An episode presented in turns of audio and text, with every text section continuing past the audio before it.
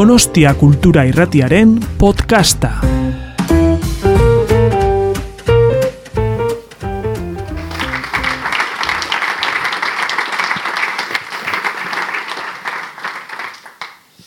Bueno, nada, eh, buenas tardes a todos y es un, gusto estar aquí, para mí especialmente, volver a San Sebastián, que siempre me, me encanta venir y hacerlo con, con Ernesto, que, creo que tengo una suerte en particular, que es que yo eh, le he visto trabajar, porque mucha gente le ha visto trabajar por la tele o en, los partidos como, entrenador, pero yo le he visto trabajar como fotógrafo porque ha, estado en dos, de mis películas en, en, periodos donde no tenía ningún equipo eh, que entrenar, ha estado en dos de mis películas haciendo fotos y le he visto en esa posición que, llamamos nosotros de foto fija en, en, las películas. Y es una persona que, que yo creo que tiene muchas virtudes, eh, es un gran, digamos, desconocido porque vivimos en un, en un mundo en el que la gente tiene que venderse mucho a sí mismo para, para, que le valoren desde fuera. Y Ernesto tiene la virtud de ser una persona muy discreta, muy humilde y cuando le he visto trabajar de fotógrafo me he dado cuenta de que además eso se, se representa muy bien en cómo, en cómo encara esa, esa, tarea, porque es alguien que frente a una presencia invasiva o de dirección o de hipermanipulación de, de lo que tiene delante, él es casi un fotógrafo invisible, es una especie de, de testigo eh, mudo que va eh, con la cámara siempre en, en posición de, fotógrafo callejero, ¿no? Un poco recuerdo que, que, bueno, él, uno de sus mitos y maestros es el, japonés Moriyama, que tiene esas fotos maravillosas hechas casi, casi al pasar por la calle, observando un perro, un neón, una prostituta, un coche que pasa, ¿no? Tiene ese, ese ojo maravilloso y, y, Ernesto es un poco igual. La exposición que, que tenéis hoy fuera y que es, que es eh, muy representativa de, de, una época de su trabajo y de una de sus, de sus eh, fijaciones, pues es muy, yo creo que habla por sí sola. ¿no? Nosotros, yo en particular, pero Ernesto tampoco somos muy, muy poco dados a, a hacer literatura de nuestros oficios, ¿no? sino que más bien queremos que el oficio te represente ¿no? y en el fondo sin ningún esfuerzo las fotos que, que Ernesto hace creo que hablan mucho de él es muy interesante que, que, una persona que está en primera línea, digamos, del deporte, que está en primera línea de, de equipos importantes, de equipos con, con enormes aficiones. En, en, esta exposición vemos pues, la afición del Olympiacos, la afición del Barcelona o los aficionados internacionales, ¿no? la afición, por supuesto, del Athletic de Bilbao. Pero lo que yo creo que es interesante es pensar ¿no? en un entrenador que, que, está pendiente del partido, que está en los nervios de la llegada al estadio, del, del autobús con el equipo, de, los problemas que uno puede imaginar que hay ahí y que de alguna manera lleva esa cámara de fotos ¿no? disfrazada en, en, como si fuera una prolongación de su mano, como si fuera casi un, un teléfono móvil y va haciendo esas fotos que, que veis de donde hay un, un, retrato muy claro de una cosa que él ha llamado bestialdea o eh, del otro lado, ¿no? Y, que en el fondo yo creo que tiene mucho que ver con la posición de, situarte en el lugar que no te corresponde, en el, lugar del otro, ¿no? de ponerte un poco en los zapatos del otro. Y él consigue esta especie, el otro día pensaba viendo las fotos que están elegidas para la, para la exposición, pensaba que en el fondo son como un poco la contrarréplica de, de la obra de, de, Leni Riefenstahl. No sé si os acordáis de, de la...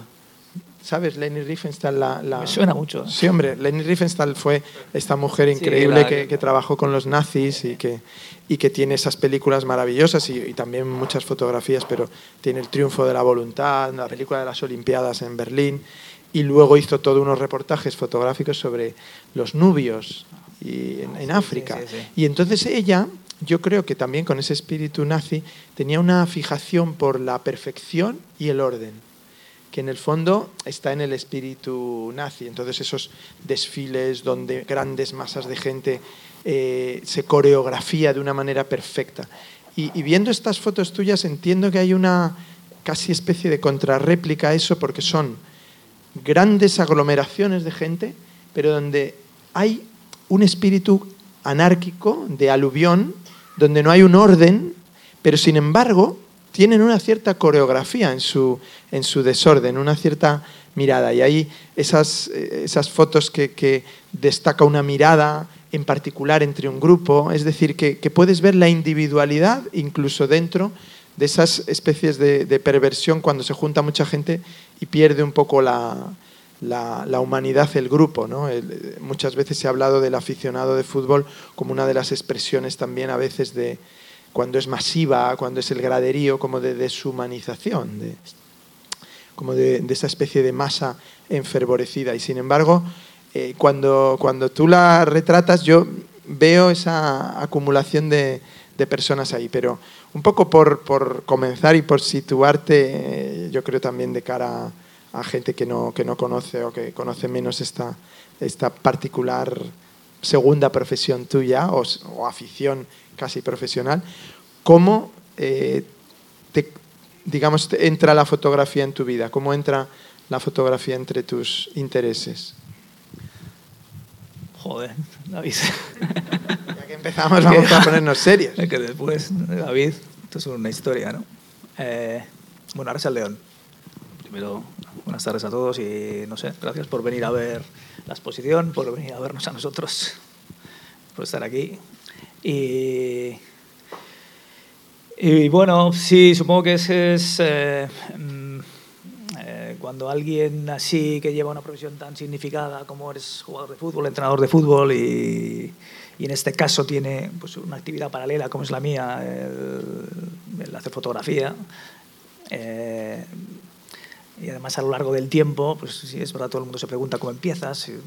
Son muchas, eh, me lo han preguntado muchas veces, ¿no? Y al final en realidad es mucho más sencillo que todo, eh, vamos, lo que le pasa a cualquiera. Yo pensaba que después de ser jugador de fútbol, que iba a terminar con treinta y tantos años, pues pensaba que después eh, iba a ser fotógrafo porque estudié para ser fotógrafo.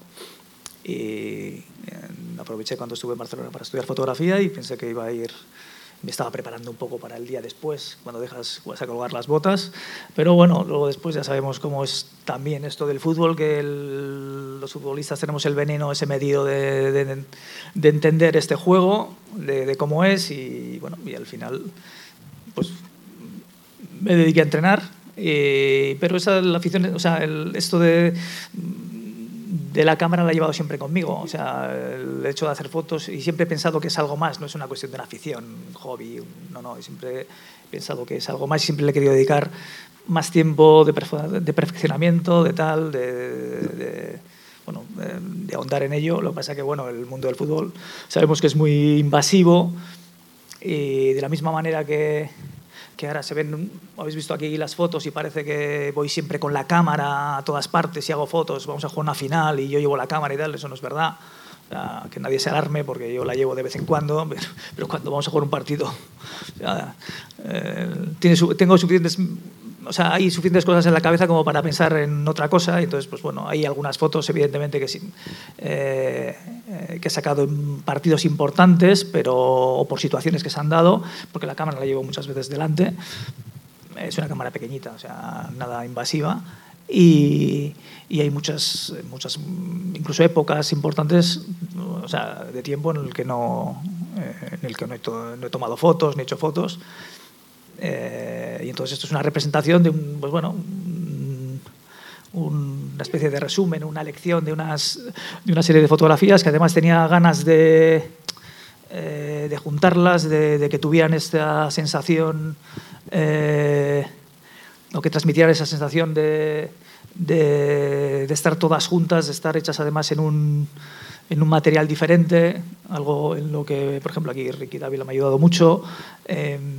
Eh, que tuviera ese punto eh, a veces que nos incomodará un poco, eh, pero más como una reflexión, ¿no? porque al final las fotos están hechas desde dentro, ¿no? desde una parte del autobús sobre los que están fuera, sino intentando, no sé, hacer pensar o, querer dar la sensación de que todo es una parte del, todo lo que hay es una parte del todo, de un mismo escenario en el que participamos todos. Los fans participan de una manera, los que estamos dentro participamos de otra.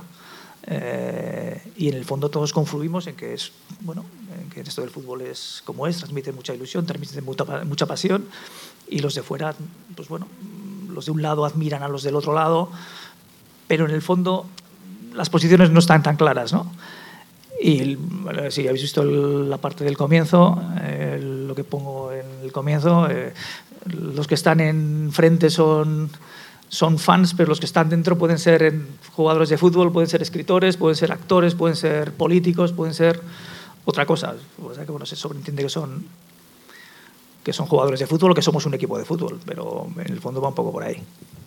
No sé si ha sido mucho rollo, pero bueno.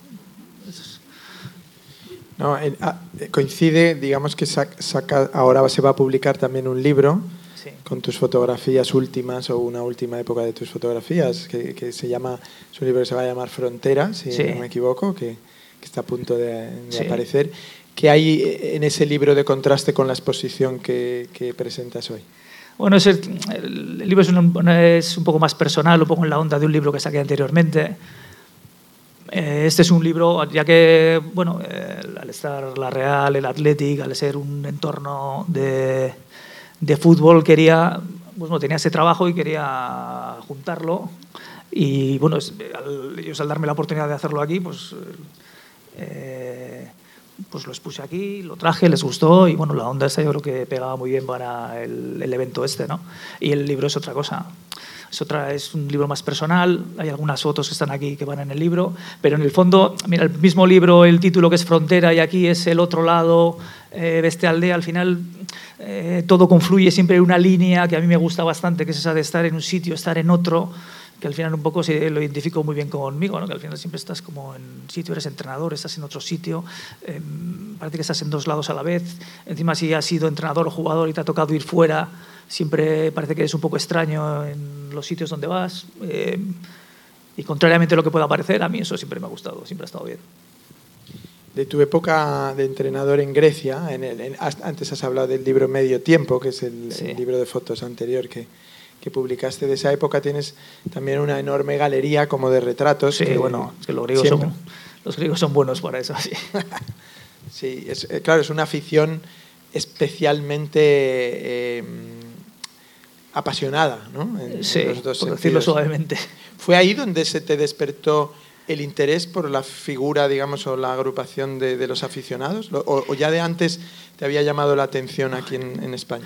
No, no, tienes razón. Al final, yo creo que allí eh, el efecto ese de los griegos, de, cómo lo viven, además, eh, ver además cómo participan de ello, ahí yo creo que ahí me di cuenta que había un, un camino por el que ir y luego a lo largo del tiempo eh, va repitiendo más o menos, voy repitiendo, buscando situaciones parecidas, pero así realmente se me abrió una puerta a ello. Bueno, los griegos, si habéis visto las fotos, ya veis que, bueno, que hay, habrá cinco, seis o siete de, del fútbol griego y los fans griegos además tienen una cosa que es, bueno, eh, que puede ser muy mala, si, si uno se lo toma un poco a la tremenda, pero es muy buena, porque los fans griegos no piensan que van a que van a ver un partido de fútbol o que van a animar, ah, van a conseguir un autógrafo y cosas de estas, sino los fans griegos van al campo a participar. Ellos piensan que son una parte importante de las victorias de su equipo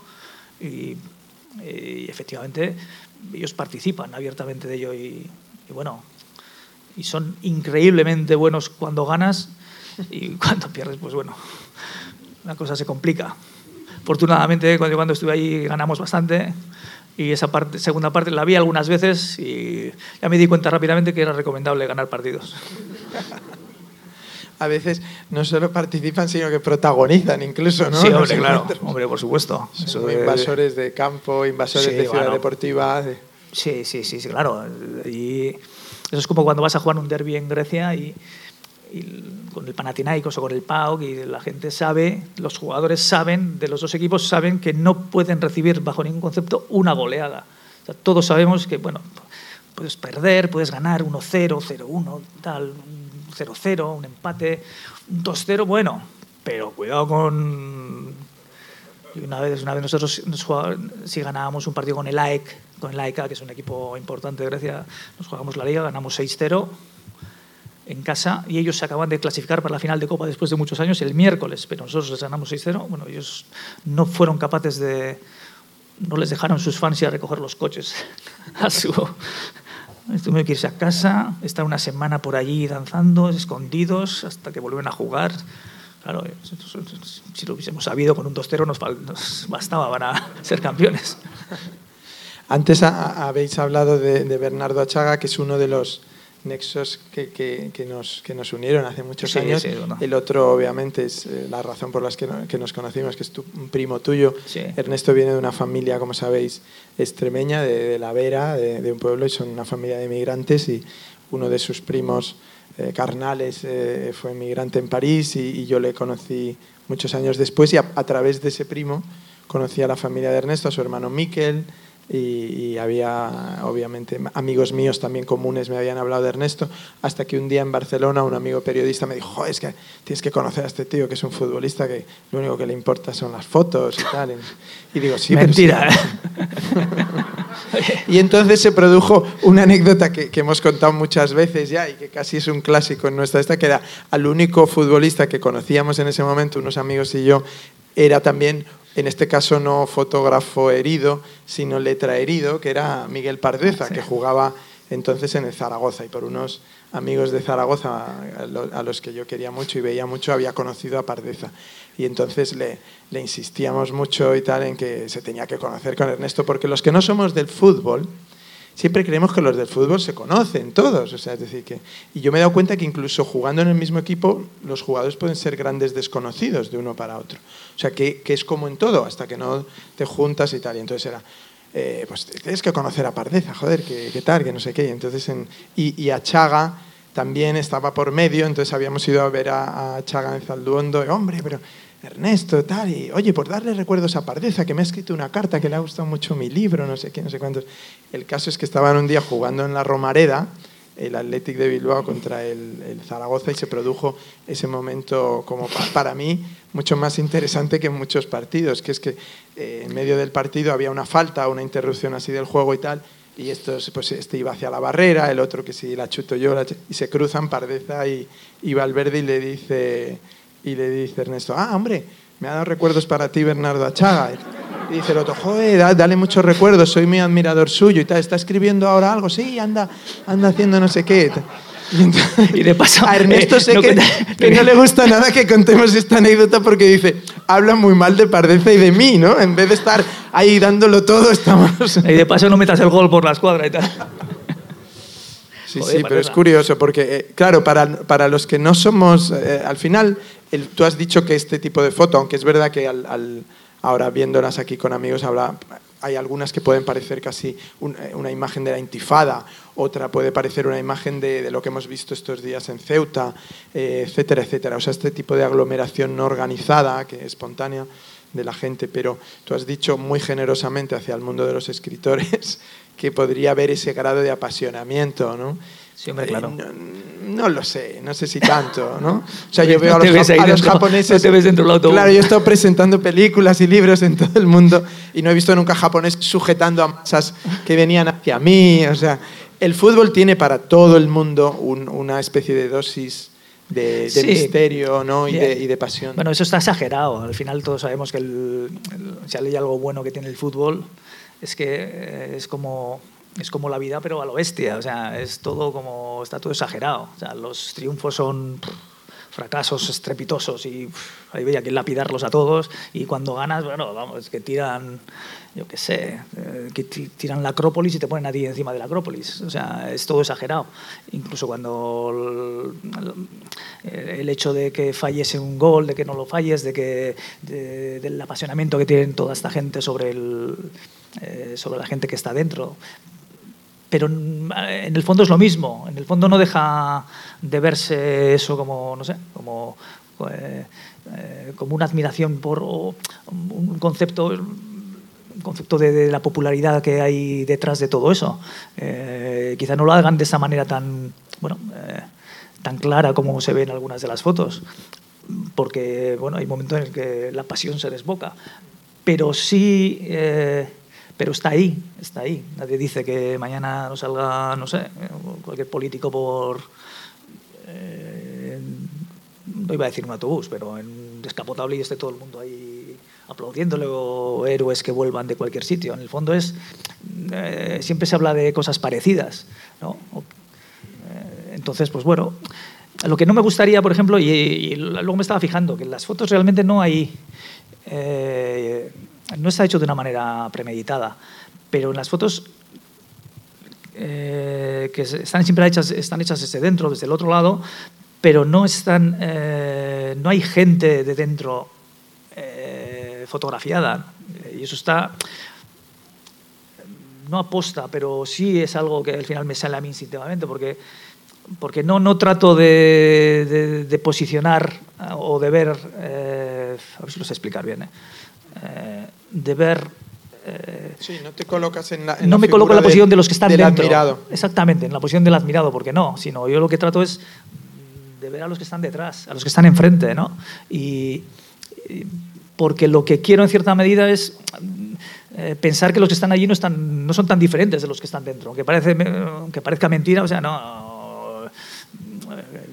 Cualquiera puede estar en, esa posición y cualquiera de ellos puede estar en esa posición. Entonces, esa, cuestión de, bueno, sí, es verdad, tengo un talento determinado por, porque soy, no sé, porque soy escritor, porque soy jugador, porque soy tal, bueno, vale, está bien, pero...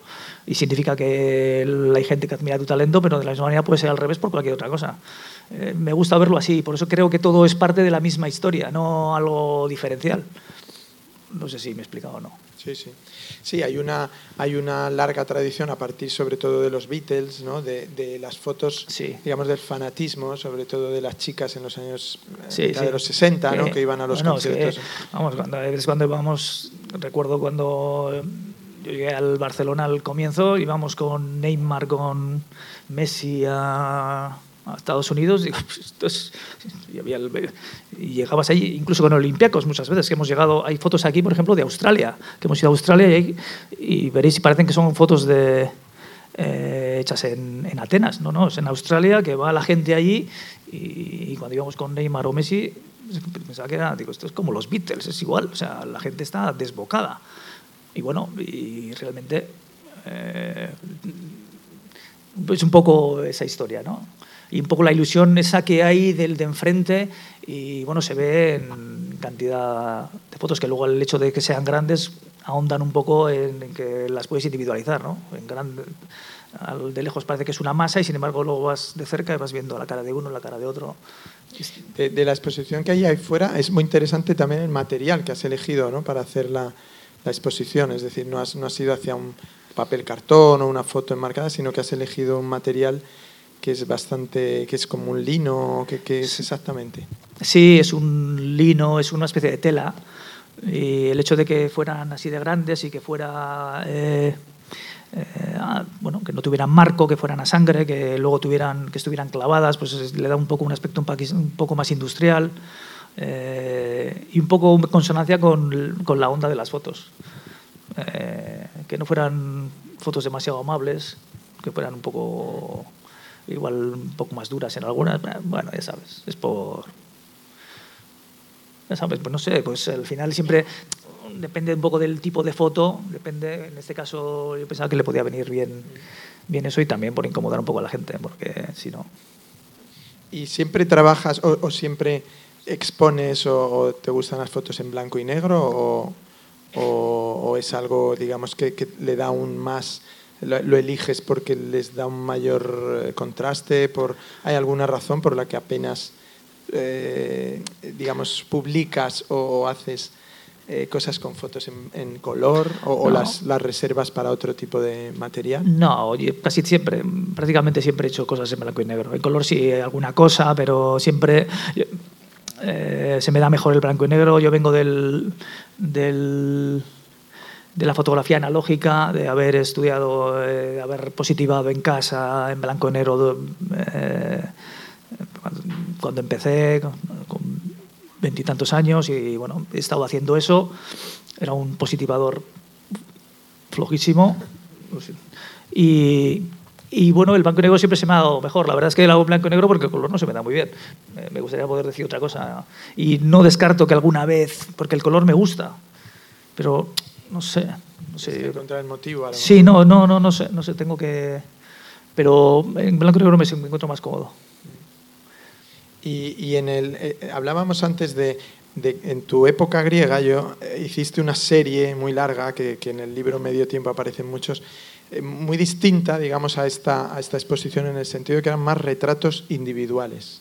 Así. Es decir, elegías como personajes que te llamaban la atención, personajes que tenían aspecto casi te diría muy muy cinematográfico porque son eran entre mm, sujetos muy bueno, un poco la fotografía casi de Lampa en algunas cosas, ¿no? Eh, en otras eh, eran Bueno. tíos de seguridad, aficionados, en algunos casos futbolistas. Es decir, ¿cómo, ¿cuál es la diferencia cuando haces un retrato personal que le dices a uno, quiero, quiero sacarte a ti solo, de cuando haces esta especie de agrupación?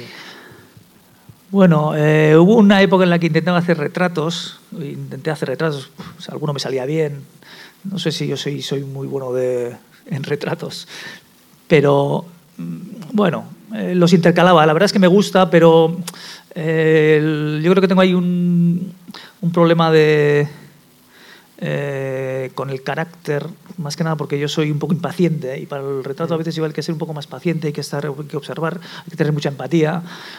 Y, y es verdad que mm, siempre me gustan eh, intercalar retratos de, un- de una forma u otra, pero quizá no de esos tan próximos, sino un poco más ligeros. Y es verdad que en ese, en ese libro eh, lo hice, en este que va a salir ahora también, ahí voy intercalando, porque es algo que me, que me gusta, pero tengo, tengo la sensación de que puedo mejorar un poco. ¿eh? En el retrato. Sí, igual sí. No, pero yo me acuerdo De todas hace- maneras, eso del mundo de Lampa y todo eso, también hice fotos de mis hijas. Sí, Bueno, claro. Bueno, pero a eso me refería. ¿no? De la- A veces están- Vale, nuestras vale. familias están bordeando el ámbar. Pero bueno, no, las- ponernos casi todos. ahora. Bueno, y las fotos que hacía eran la gente que tenía alrededor. Había algún jugador y tal que sí que parecía que era del mundo de Lampa, pero en el fondo eran jugadores de fútbol. O sea, pasa que los jugadores de fútbol, bueno, aquí hay unos cuantos, ojo, ¿eh? Aquí están solo los guapos, joder. Ah, bueno, claro. Los, los que, los que tienen vida. Luego hay algunos que lo dan todo en el fútbol. No, pero te decía eso porque también yo recuerdo que hace muchos años, quizá, de las primeras cosas que publicaste eh, fue un reportaje en el País Semanal, ¿puede ser? Hiciste que hice unos retratos, sí, que me encargaron algunos retratos de... Del Athletic de Bilbao, Sí, hice de los jugadores. De los compañeros, sí. Sí, sí. Y eras entonces eras todavía jugador, ¿no? Era jugador, era jugador, sí, era jugador. Los hice con una Hassel, sí. Sí, eran muy bonitos. ¿eh? Sí, bueno. Mejor no andemos, no vayamos por ese camino. No, no. Yo No, recuerdo que había, había uno eh, que se publicara una página completa de Julen Guerrero, que además era un chico muy, Sí, sí, muy sí, guapo y tal, y, que, y que recuerdo haberlo visto incluso en Madrid, que no es que haya mucho. Sí, sí. El Athletic de Bilbao y la Real siempre tienen aficionados en todas partes, pero, pero no es habitual ver en la carpeta de alguna chica o de tal en el metro una foto de un jugador del Athletic de Bilbao, no es lo más. Y, y en aquel caso sucedía, o sea que le tenían ya. Pero no era por foto, era foto mía, sino porque era Julen. No, no, ya. Ah, no. Pero eh, esto le pasa a los mejores fotógrafos. ¿eh? Suele ser por Kate Moss, no por Mario Testino. ¿eh? Me lo imaginaba. Oye, ¿y en, tu, ¿y en tu mm, andadura futbolística te has encontrado algún jugador que haya mostrado interés, o, o técnico, que haya mostrado interés por, por la fotografía, que haya mostrado interés por acercarse a ese, a ese lado tuyo, o en general no compartís este tipo de, mm, de aficiones personales entre vosotros? Sí, joder, pero es que tendría que, pensar. Sí, la gente del. Mira, Asier, que está aquí, que juega conmigo, que me sirvió de modelo alguna vez.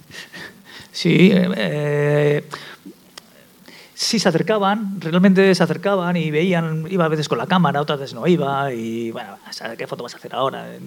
Eh, recuerdo alguna vez con Zubi también, y además le hice una foto, joder, tanto con Zubi, y me decía, "Ah, venga, vas a decir ahora que vas a hacer una foto y tal. Le hice una foto del Camp Nou y un día le dije, mira qué foto he hecho y tal. Y era una foto que estaba bien. Pero, pero bueno, lo veía más como una cosa como, eh, como rara, aunque eh, luego hay jugadores que han tenido inquietudes de todo, de todo tipo. O sea, no es que eh, yo exclusivamente, no es que yo fuera un bicho raro porque hacía me gustaba la fotografía. Yo estudiaba eso y había otros que hacían otras cosas. O sea, no, la gente siempre piensa que, bueno, es que es jugador de fútbol y es que no sabes hacer otra cosa. Pues bueno, fíjate la cantidad de gente que es oficinista, que es abogado y tal, luego van al campo de fútbol y son entrenadores en la tribuna. Pues es, que, pues es lo mismo, es lo que al revés. Sí, bueno, y hubo el caso eh, que, que yo creo que es una fotógrafa que, que, te gusta mucho, de Vivian Mayer. Sí, ah, bueno, claro. De pronto un día se descubre que, que una nani, ¿no? Sí es una de las mejores fotógrafas de Estados Unidos del siglo XX, porque era una señora que iba haciendo fotos por la calle o a los niños que cuidaba y que finalmente se encuentra en una maleta mucho material de ella sin que ella tenga ninguna relevancia, ya ha muerto, ha desaparecido y de pronto ese material sale a la luz y es un material, ¿no? no sí, sí, si estás de acuerdo conmigo, de, de, enorme... Y seguramente habrá, no sé, si gente como ella, lo que pasa que eh, Vivian Mayer al final cuando, cuando descubrieron el, el material que tenía, que lo descubrieron en la basura o lo compraron, o igual lo compraron. Un mercadillo. Un mercadillo, sí, resultó que era algo extraordinario, bueno, un nivel increíble. Entonces, bueno, yo creo que hay, eh, yo creo que hay mucho donde rascar. E incluso mira el tema ese de lo que hemos hablado de los modeling, ¿no? De encontrar un, en un libro que, que hay de Paco Gómez, que se encontró un montón de, o compró también en un mercadillo un montón de... No, no, en, un contenedor en la calle donde yo vivía, en la calle Pez, ¿te ah, acuerdas? sí, sí.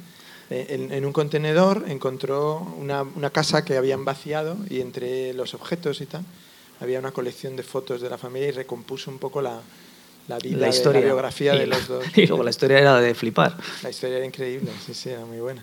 Sí, sí, ese tipo de, de sorpresa. Porque te decía lo de Vivian Mayer porque ella Luego se descubrió por una serie de autorretratos que incluyen entre esas fotos encontradas de ella, que era una persona que salía de paseo los fines de semana, ¿no? los momentos que tenía libre, y se colgaba la cámara del cuello y disparaba con un disparador, ¿no?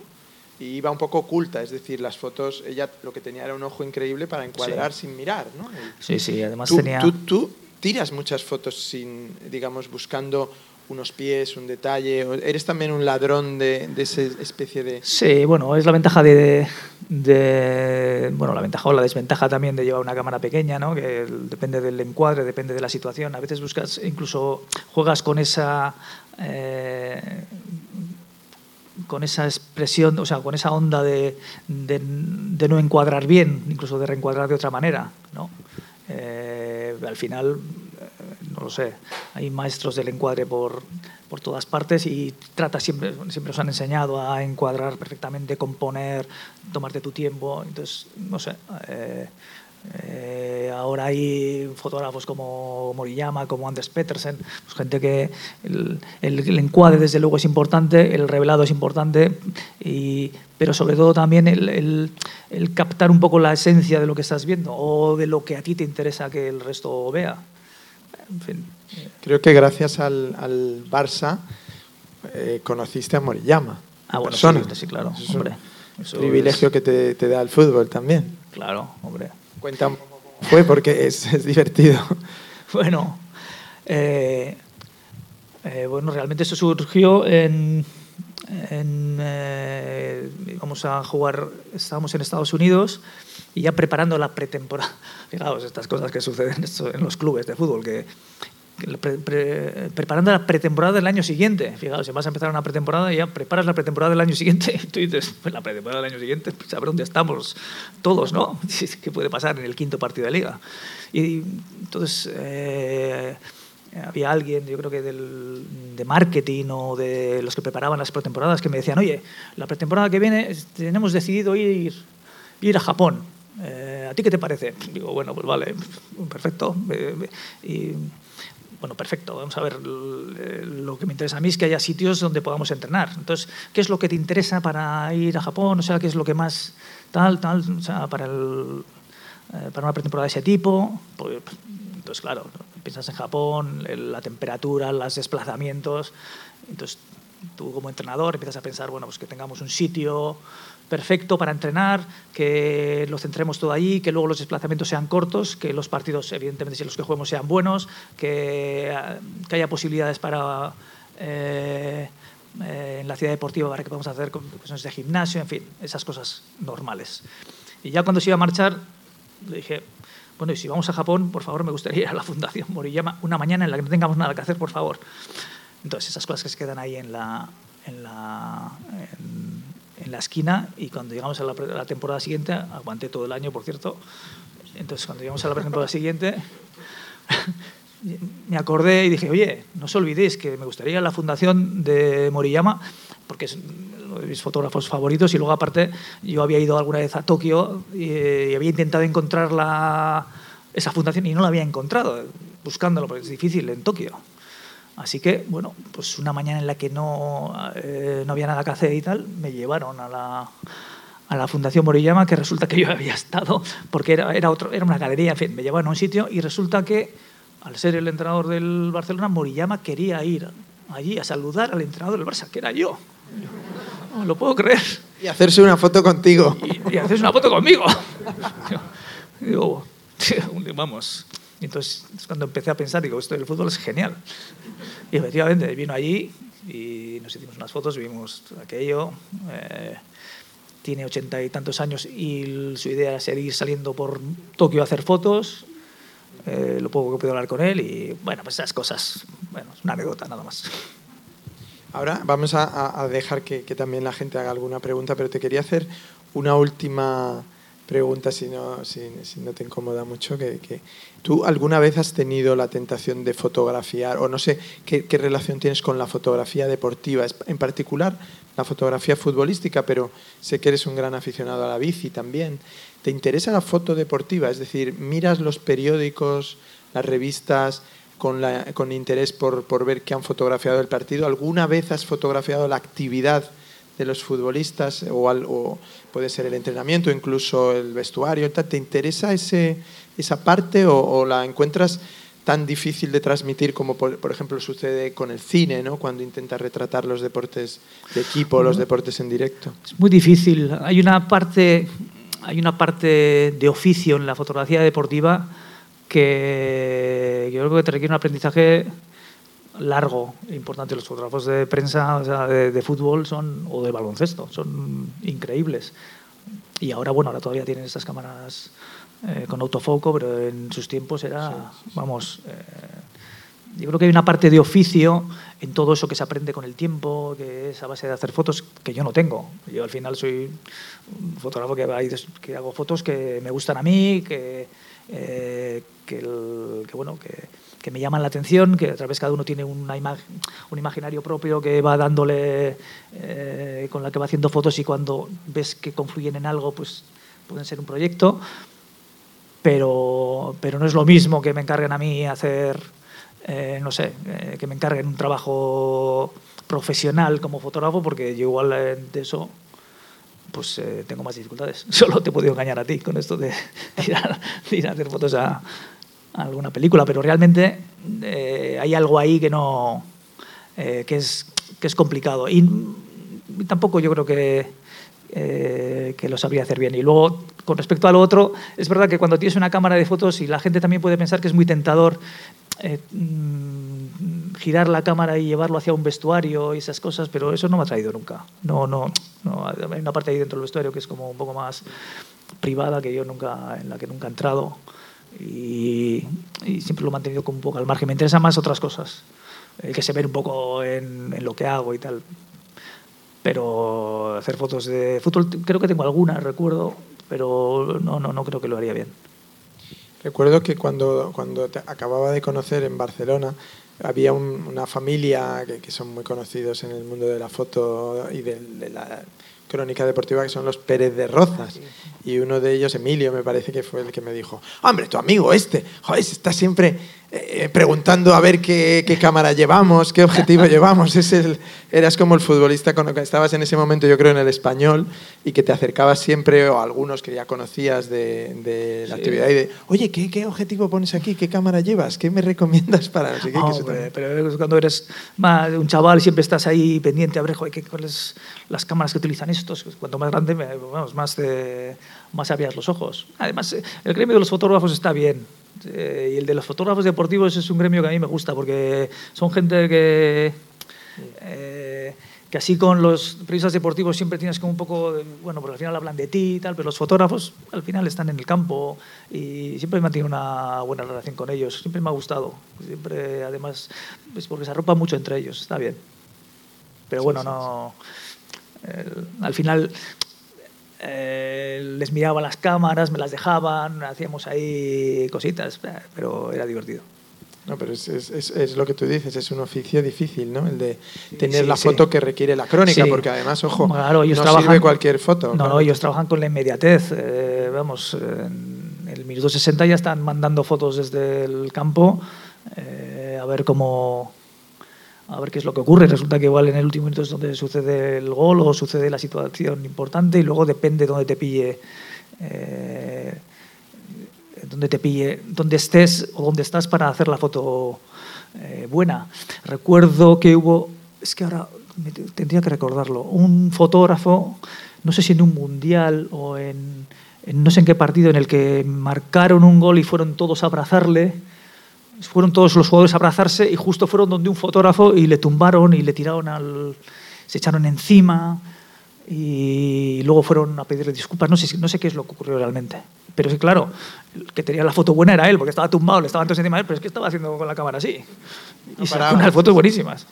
Sí, sí, bueno, y cuando vemos esas fotos de, de, los partidos de los años 50, eh, 60, donde se hacían muy pocas fotos durante el partido, pero eh, todos recordáis, ¿no? Las fotos de Cancio, las fotos de una, la parada de Iríbar, la, el remate de no sé quién, ¿no? De Estefano tal, que son fotos únicas, ¿no? Porque tienen una perspectiva particular y que yo creo que el fútbol, cuando no había una retransmisión constante como es ahora, estaba muy basado en esa ah, foto. La gente imaginaba el partido o imaginaba la parada a través de la foto que había visto en, el, la épica del fútbol de antes se basaba en en, la fotografía que salía en el periódico y a partir de ahí cada uno se hacía la composición del lugar del, del partido. Lo cual, si el partido había sido horrible, yo creo, creo que era mejor, porque la gente pensaba siempre que... Sí, claro. ¿Sientes que es, más, que es difícil hacer fotos en un mundo con tanta foto, con tanta imagen, tan, tan basado? O sea, que es difícil que una foto tenga interés en un mundo en el que prácticamente todas las personas eh, se han convertido en fotógrafos, eso de salida, porque son autopaparachis, pero a la vez la propia sociedad es, hay una constante presencia fotográfica, es casi como un hilo musical perpetuo, pero ahora es un hilo audiovisual. ¿Crees que es más difícil encontrar una foto que digas, ah? No, mira, yo creo que es verdad, hay una sobreexposición de, de, fotografías, de imágenes, pues porque hay un afán por, eh, por, exhibir, por autoexhibirse ¿no? en las redes de una manera muy clara. Pero de la misma manera que eso existe, y yo creo que es un mundo, yo creo que hay otra parte que es que ahora hay mucha gente que hace fotos, y hay mucha gente que hace fotos muy buenas. Y yo creo que hay mucha gente que, eh, que claro, que a partir de, de determinadas premisas, joder, está haciendo libros, pequeños libros, pequeñas joyas que eh, que igual no tienen una salida comercial porque no se venden fotolibros a un nivel extraordinario, pero que sí tienen un nivel fotográfico importante. Y yo creo que ahora hay muchísima gente que hace cosas que están muy que son muy interesantes de la misma manera que antes había fotógrafos reconocidos y había bueno y aparecían gente como Vivian Mayer después y yo creo que ahora hay un aluvión de gente no hay más que ir a las escuelas de fotografía para darse cuenta y ver el nivel que tiene la gente porque la gente eh, mira fotos porque aprende, en ese sentido, de la misma manera que hay esa parte que tú dices, hay la otra parte que yo creo que existe.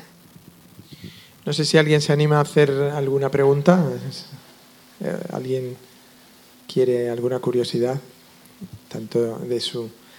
Ya sabéis que, que las personas que combinan varios oficios en España son muy incómodas porque a la gente le gusta tener colección de mariposas. Dime. Ah. Eh, ¿Ha hecho las fotos en el rodaje entonces para ti? ¿Te ha mandado ya el material? ¿Ha resuelto bien? Muy bien, muy bien. Ah. Ya hizo una...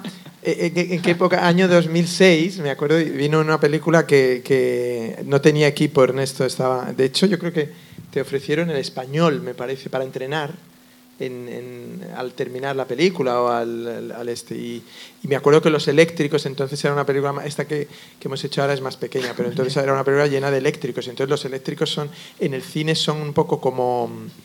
Fernán Gómez decía siempre que en el cine es el único arte que se hace en un taller de carpintería, porque hay como una gente trabajando mientras tú estás intentando hacer Hamlet, ¿no? Pero hay unos ahí, pa, pa, pa, oye, ¿y esta tarde qué hacemos? ¿Y qué habrá de comer hoy? Y un tío ahí, ser o no ser. Y, entonces eh, los eléctricos er- era el único momento que les vi una cierta admiración por, por la película y por mí, porque dijeron, oye, pero el fotógrafo este no es el que entrenaba al Atleti de Bilbao. Y lo hace muy bien. Lo hace bien porque en un rodaje todo el mundo molesta. No sé si habéis ido alguna vez a, a ver algún rodaje, os han invitado, quiero ver un rodaje, inmediatamente, oye, ¿podrías ponerte aquí? O te pones ahí y entonces viene alguien, oye, ¿te, te importa irte a este lado? Es que hay tal. Ya no te digo si trabaja Tom Cruise, que dicen, venga, todos los que estén en 180 grados que se vayan. Y entonces para un fotógrafo de rodaje lo más importante es que no, que no se le vea, que nadie, y lo hace, lo hace muy bien. De hecho, en esta última que, que ha venido, todos los actores cuando, y los técnicos que vieron algo del material que les enseñaba, me miraban como un poco diciendo, a ver si aprendes, ¿no? O sea, es mejor la foto fija que lo que estás haciendo tú. Es muy humillante para mí. De todas maneras, cuando vais a un rodaje de David, si alguno intenta, si alguna vez os contrae tal, que sepáis que no es solo que hagáis las fotos, sino que tenéis que llevar, poner los focos, oye, hay que comprar unas naranjas, o sea, esto es, es multiusos, o sea, no penséis que es una superproducción y... Sí, exacto. No, entonces... Ah, pero... Bueno, está, está muy bien porque una vez, una de, los- de las primeras veces que fui con, con David, recuerdo que estábamos en... Estaba rodando en el Bernabéu. Y ent- estaba rodando en el Bernabéu y entonces estaba ese... jo, ese mítico delegado de campo del Madrid, que es que no me acuerdo el nombre, que así bajito, no lo conocerán. Sí, el Reín, bigote, el del- Sí, Reín, no, no, no. Reín ese que era así bajito y de siempre. Y entonces él estaba, joder, porque había muchos turistas que pasaban por un lado y por otro. Y, y- y te puedes imaginar, rodaje de David, un entraba en el centro campo uno, el otro no sé qué, y claro, estaba, pero bueno, vamos a ver, pero estos, que no piséis el campo, que no piséis el césped, que tal. Entonces yo pasaba por allí y de repente que le miro, joder, que como diciéndome, y me dice, pero tú, ¿pero qué haces aquí? Y tal. Digo, no, yo estoy con estos. Ah, hombre, sí, pero bueno, pero podemos entrar. por ahí". Sí, hombre, sí, pasar donde queráis, hombre. Estos, no os preocupéis. Rodamos en el- en el- que En es muy difícil, ¿sabes? Que conseguir que te dejen rodar dentro de un estadio un día sin partido es muy difícil porque los estadios están muy, muy protegidos. ¿no? Sí. Y no sé cómo conseguimos es que nos dejaran, sí. Es ver- Me acuerdo. Sí, era un poco caos aquella. Nos dejaron un área o algo así. O un Sí, un área, campo una parte, así. un área. No piséis más que eso. Sí, sí. Y pasaban lo que dices tú, los que iban al museo. Sí. A los japoneses que iban al museo del Real Madrid pasaban y veían un rodaje y decían. Sí, pero luego, bueno, ya sabéis, estás en el campo y luego al final termina uno pegándole al balón, a ver si le pego aquí. Claro, los, los técnicos, a ver si mete un gol. Hay muy buenas fotos de ese día, por cierto. Sí. O sea que tuviste buen ojo. ¿Al- ¿Alguna pregunta más? ¿Alguien le quiere...? Podéis preguntarle si, si va a entrenar ya de una maldita vez o va a seguir haciendo fotos. Yo no me atrevo a preguntárselo porque hay confianza. pero- Ah, yo una más futbolera. Eh, la final... Dios mío, para él, ¿no? No, no, para ti, para ti. De la final de Copa de Real y Atleti que se acaba de jugar, te han faltado fotos ahí, ¿te hubiese gustado que hubiese dado esa, esa final desde ese punto, bueno, desde el punto de vista ¿no? que, has, que has mostrado tú, toda la gente que no ha podido ir? No sé, ¿qué, qué sentimiento te ha dejado todo eso? Gracias. Sí, bueno, claro, del, el- el- si lo miro desde el punto de vista de las fotos, eh, no sé si hubiese estado, si hubiese estado dentro, eh, qué es lo que hubiese hecho. Si estás fuera, al final, eh, quizás más interesante el estar dentro, sobre todo eh, hilándolo con, con las fotos que hay aquí. Eh, y, hombre, y si haces fotos desde dentro es mejor ponerte en la posición del que gana el trofeo, porque si es el, el que pierde al final no tiene ni ganas de hacer fotos no ni hacer nada. Pero el que gana, pues es otra cosa. De hecho, ahí si veis en, en las fotos de fuera, hay una foto en la que estamos levantando el trofeo, que es una foto que hice en, en Grecia que salí con una cámara pequeñita. Alguna vez estando con el Barça en alguna final, entonces, eh, eh, al terminar yo le dice a él- le hice llegar a mi o cuando fuimos a recoger un- alguna vez que nos iban a dar un trofeo en el Camp Nou le dejé a un utillero una cámara y le dije, si ganamos el partido, porque éramos campeones de liga, si ganamos, me la pasas después para sacarla ahí y poder hacer alguna foto parecida a estas, ¿no?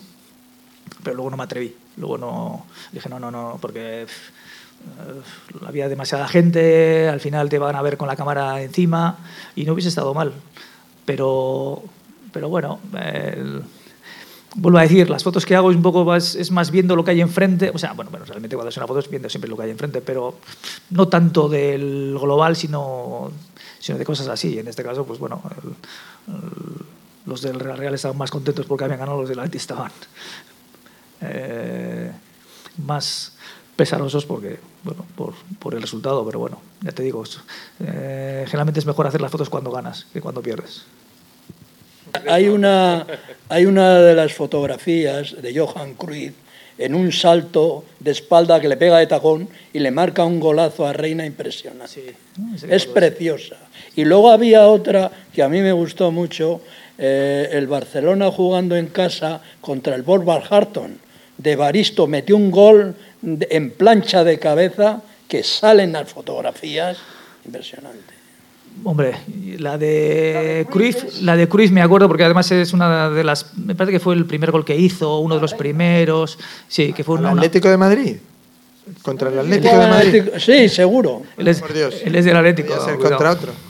Pues eh, es una jugada de un balón que va al segundo palo y salta y la coge en el aire. Sí, me acuerdo perfectamente. O sea, es lo que se refería David antes a esas fotos míticas de antes que, bueno, pues que al final eh, permanecen un poco en la memoria y que tú te haces la composición del lugar del, del, del, partido y te haces una idea de la épica del partido en función de las fotos y esa es una de ellas.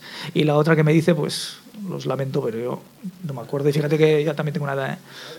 Yo no sé si tendría 14 o 15 años, pero bueno, pues, oye, es de verdad. Nos pilla, era... nos pilla un poco desmano esa foto ya. No me acuerdo de esa, lo siento. Se encuentra en un minuto ahora mismo, ¿no? Y, ahora la encontramos, sí. Oye, y otra cosa que me acuerdo es que yo la primera vez que vi jugar a Iríbar, le vi jugar en Salamanca jugaba con el Vasconia y ganaron ellos ahí 1-0, ¿eh? el Vasconia. Pero él, él, fue la figura, paraba todo.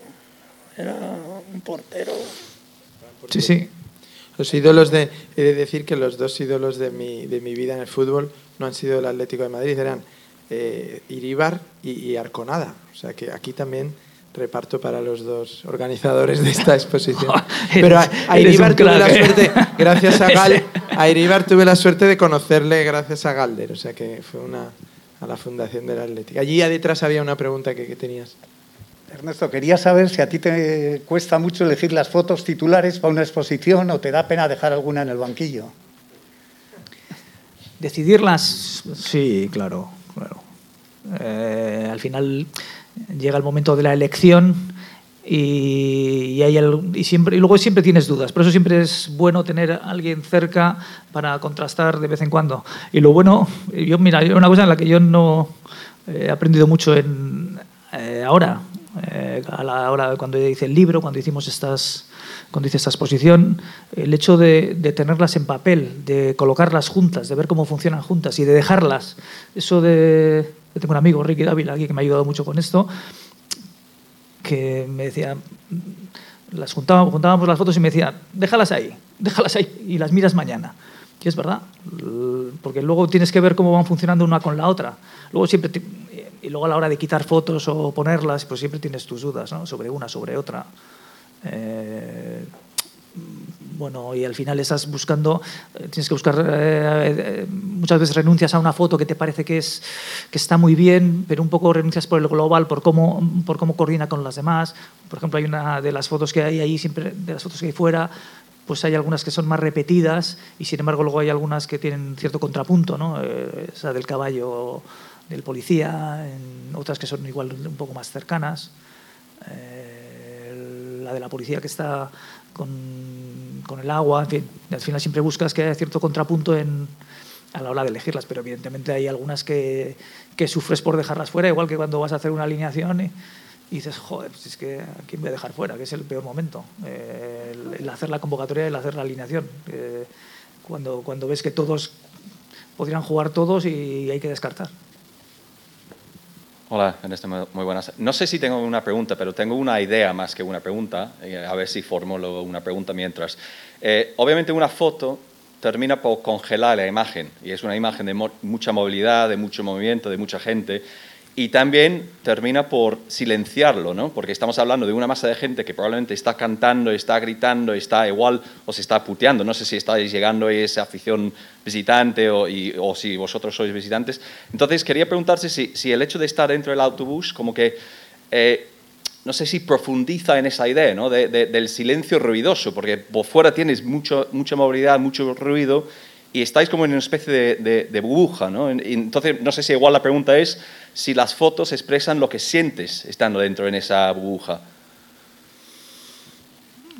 Eh, eh, realmente cuando vas a hacer una foto siempre es porque hay algo, algo que te llama, que, te incita, o sea, algo que, tú piensas que puede ser suficientemente eh, atrayente, suficientemente que tenga suficiente misterio como para poder luego eh, para que luego te pueda valer, ¿no? Porque al final es una foto y bueno puede salir bien, mal, pero siempre las fotos siempre buscas que tengan eh, un punto de, de, ese algo más, ese que sean un poco más misteriosas de lo que a simple vista parecen, ¿no? Realmente cuando haces una foto de esas estás metido dentro de, de, un, de una vorágine eh, porque bueno, llegas a un, llegas a un campo, eh, llegas con el autobús a un hotel, eh, llegas a un aeropuerto y entonces todo es situaciones de un poco descontrol. ¿no? Entonces dentro de todo eso eh, es verdad que nosotros estamos metidos dentro, como pues, en el otro lado estamos dentro de una especie de burbuja y entonces siempre tratas como de, de pararlo todo, de encontrar ese, ese algo que, como dices tú, lo silencia, lo para, pero al mismo tiempo te pueda transmitir todo lo que tú estás viendo. Y no es, no es sencillo. Eh, eh, y realmente, pues bueno, eh, eso también depende un poco, luego de, depende de cada uno de cómo vea la foto. Igual hay algunos que ven alguna de estas fotos y no le transmiten lo que, lo que me pasaba a mí, ¿no? Esa, esa idea. Pero en el fondo sí, en el fondo hay algo de lo que tú dices. Es, es como cuando ves un paisaje precioso y tal, y luego haces la foto, ¿sabes?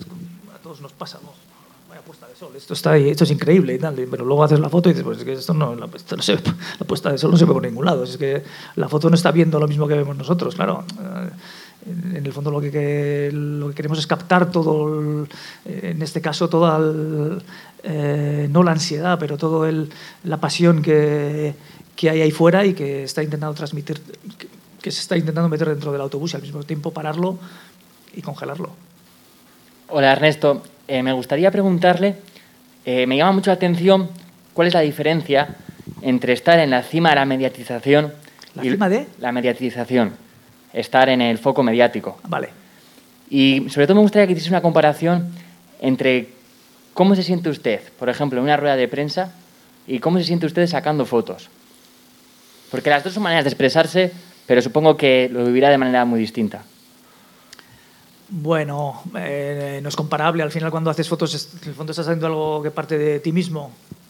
es como en todo lo que haces siempre estás haciendo, estás dejando algo, una impronta de lo que, de, cómo tú ves las cosas. Bien hagas fotos, bien, eh, yo qué sé, estés haciendo pan o estés haciendo un periódico o estés defendiendo a alguien o yo qué sé, o haciendo tuercas. En el fondo es una parte de ti mismo lo que, lo que hay ahí. Eh, en una rueda de prensa, evidentemente también hay una parte de ti, porque al final te estás mostrando a la gente, estás desnudo ante un montón de preguntas en las que tienes que llevarlo de una manera u otra y decir lo que tú crees que es bueno para tu equipo, para, para tu club, para tus jugadores y para ti mismo. Eh, en ambas cosas, en ambas, en ambas partes hay una parte de oficio, pues, pero quizá más en las ruedas de prensa, porque es una cuestión de ir ¿sabes? Es como en las ruedas de prensa es como cuando tú vas a hay muchas preguntas que tratan de que haya un oleaje increíble y tú siempre tienes que estar así como, bueno, venga, va, vamos tranquilos por aquí, por aquí y va, a ver si salimos y, no pasa y no pasa demasiado. Si quieres que sea así, si tú quieres eh, todo lo contrario, pues entonces es como tú me preguntas, ¿qué tal el partido? Y yo digo, es que yo estoy harto del presidente, tal, tal. Entonces ya lo dices directamente porque puedes decir lo que quieras, ¿no? Esa es la ventaja. y la desventaja al mismo tiempo, porque luego te estás arrepintiendo al segundo siguiente. Pero ahí tiene una parte más de oficio y luego la parte de hacer fotos es algo, eh, por lo menos en mi caso, es algo más propio, algo que es más personal. Y ahí encuentro esa pregunta siempre que te dicen, bueno, ¿y qué es mejor, meter un gol o hacer una buena foto? ¿no? Tal. Pues bueno, meter un gol, metes un gol y es instantáneo y es como un alivio y como es como algo extraordinario. Y el, y el hecho, y uno de los placeres que yo más, en, que más me encantan a mí es, bueno, cuando la gente que ha hecho fotografía analógica, el hecho de ser del revelado, de ver cuando aparece la foto, y ahora en mi caso, pues cuando vas a hacer fotos y cuando llegas a casa y vas a descargas la tarjeta y empiezas a ver las fotos que has hecho y vas viendo y vas eligiendo, vas viendo la onda que quieres y ese, revisar el trabajo que tienes eh, y que has hecho, eso es maravilloso para mí. Fíjate que luego que nos conformamos. Respecto a eso, ha sido interesante esto que ha, que ha dicho Zidane, ¿no? al irse del Real Madrid ahora, que ha dicho eh, que, que, le daba mucha como pena o disgusto que los periodistas siempre en las ruedas de prensa y en las preguntas o en las entrevistas siempre buscan, eh, él lo ha dicho como la polémica o el problema, ¿no?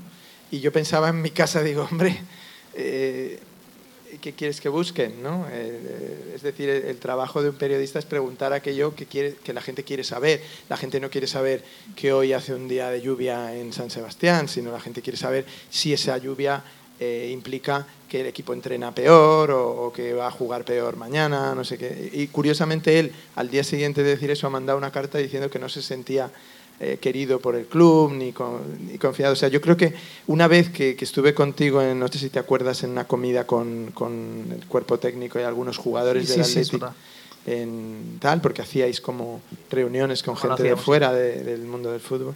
Me acuerdo que me sorprendió mucho que dos o tres futbolistas que estaban percibían a la prensa como enemigos. Sí. Y, yo les dije, no, es que ese es un error de partida que se tiene en muchos sectores, pasa también en el mundo del cine, de la literatura.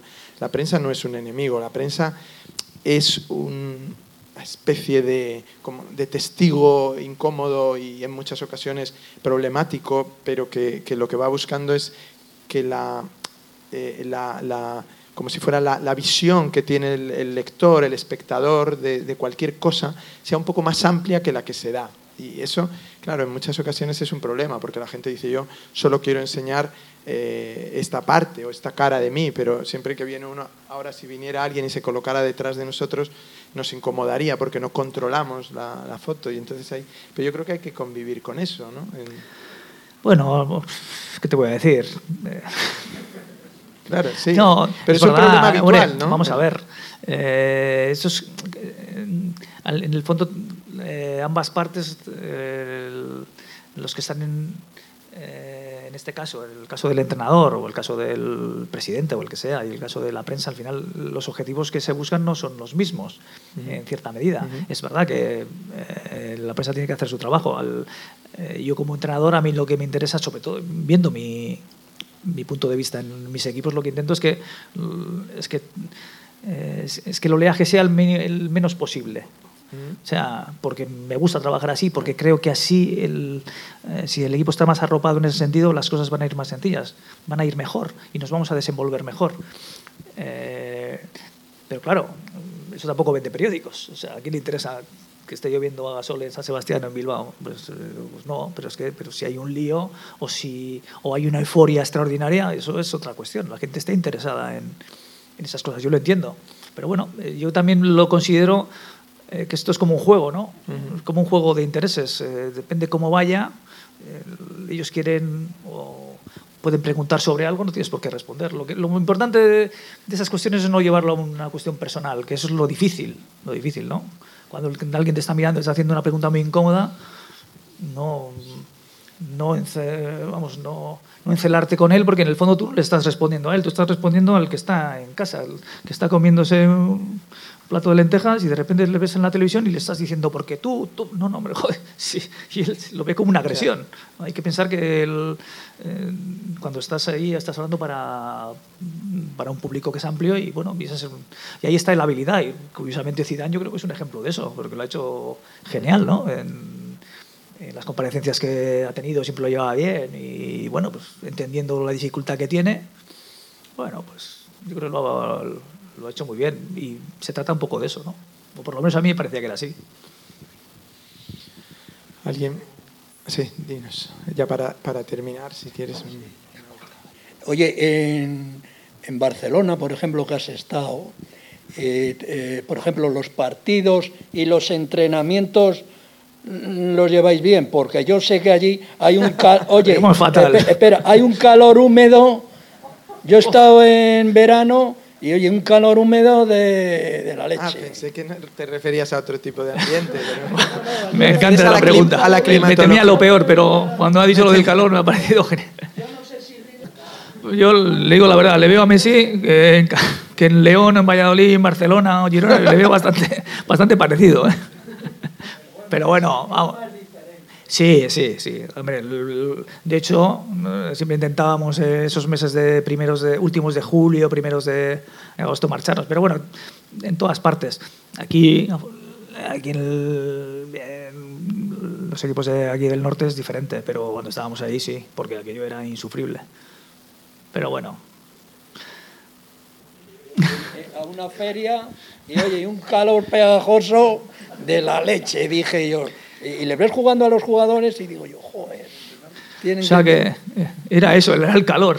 calor húmedo, ¿eh? Ese- ese- Bueno, yo creo que este, este calor pegajoso es un buen, un buen colofón, digamos, para este día maravilloso que nos habéis dado aquí. Quiero agradeceros a todos, bueno, por supuesto a la organización, a- al centro también, Ernest Lluch, por haber organizado este acto, pero eh, vosotros, los que conocéis a Ernesto, sabéis que es muy tímido.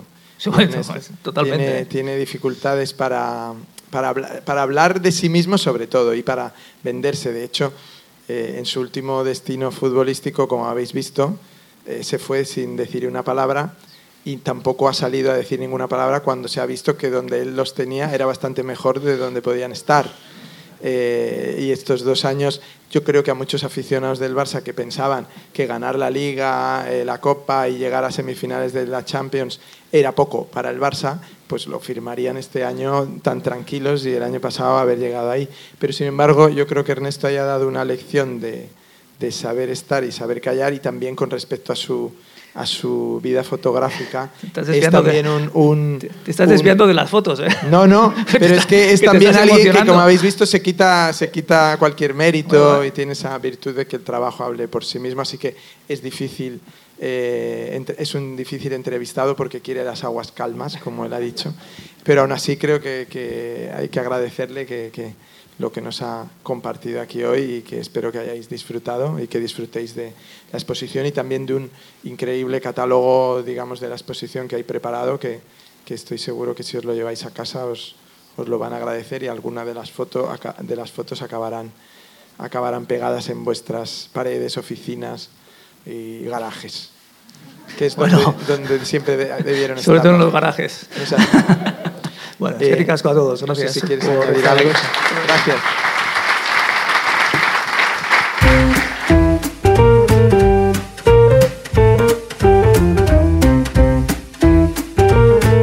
Donostia Kultura Irratiaren podcasta.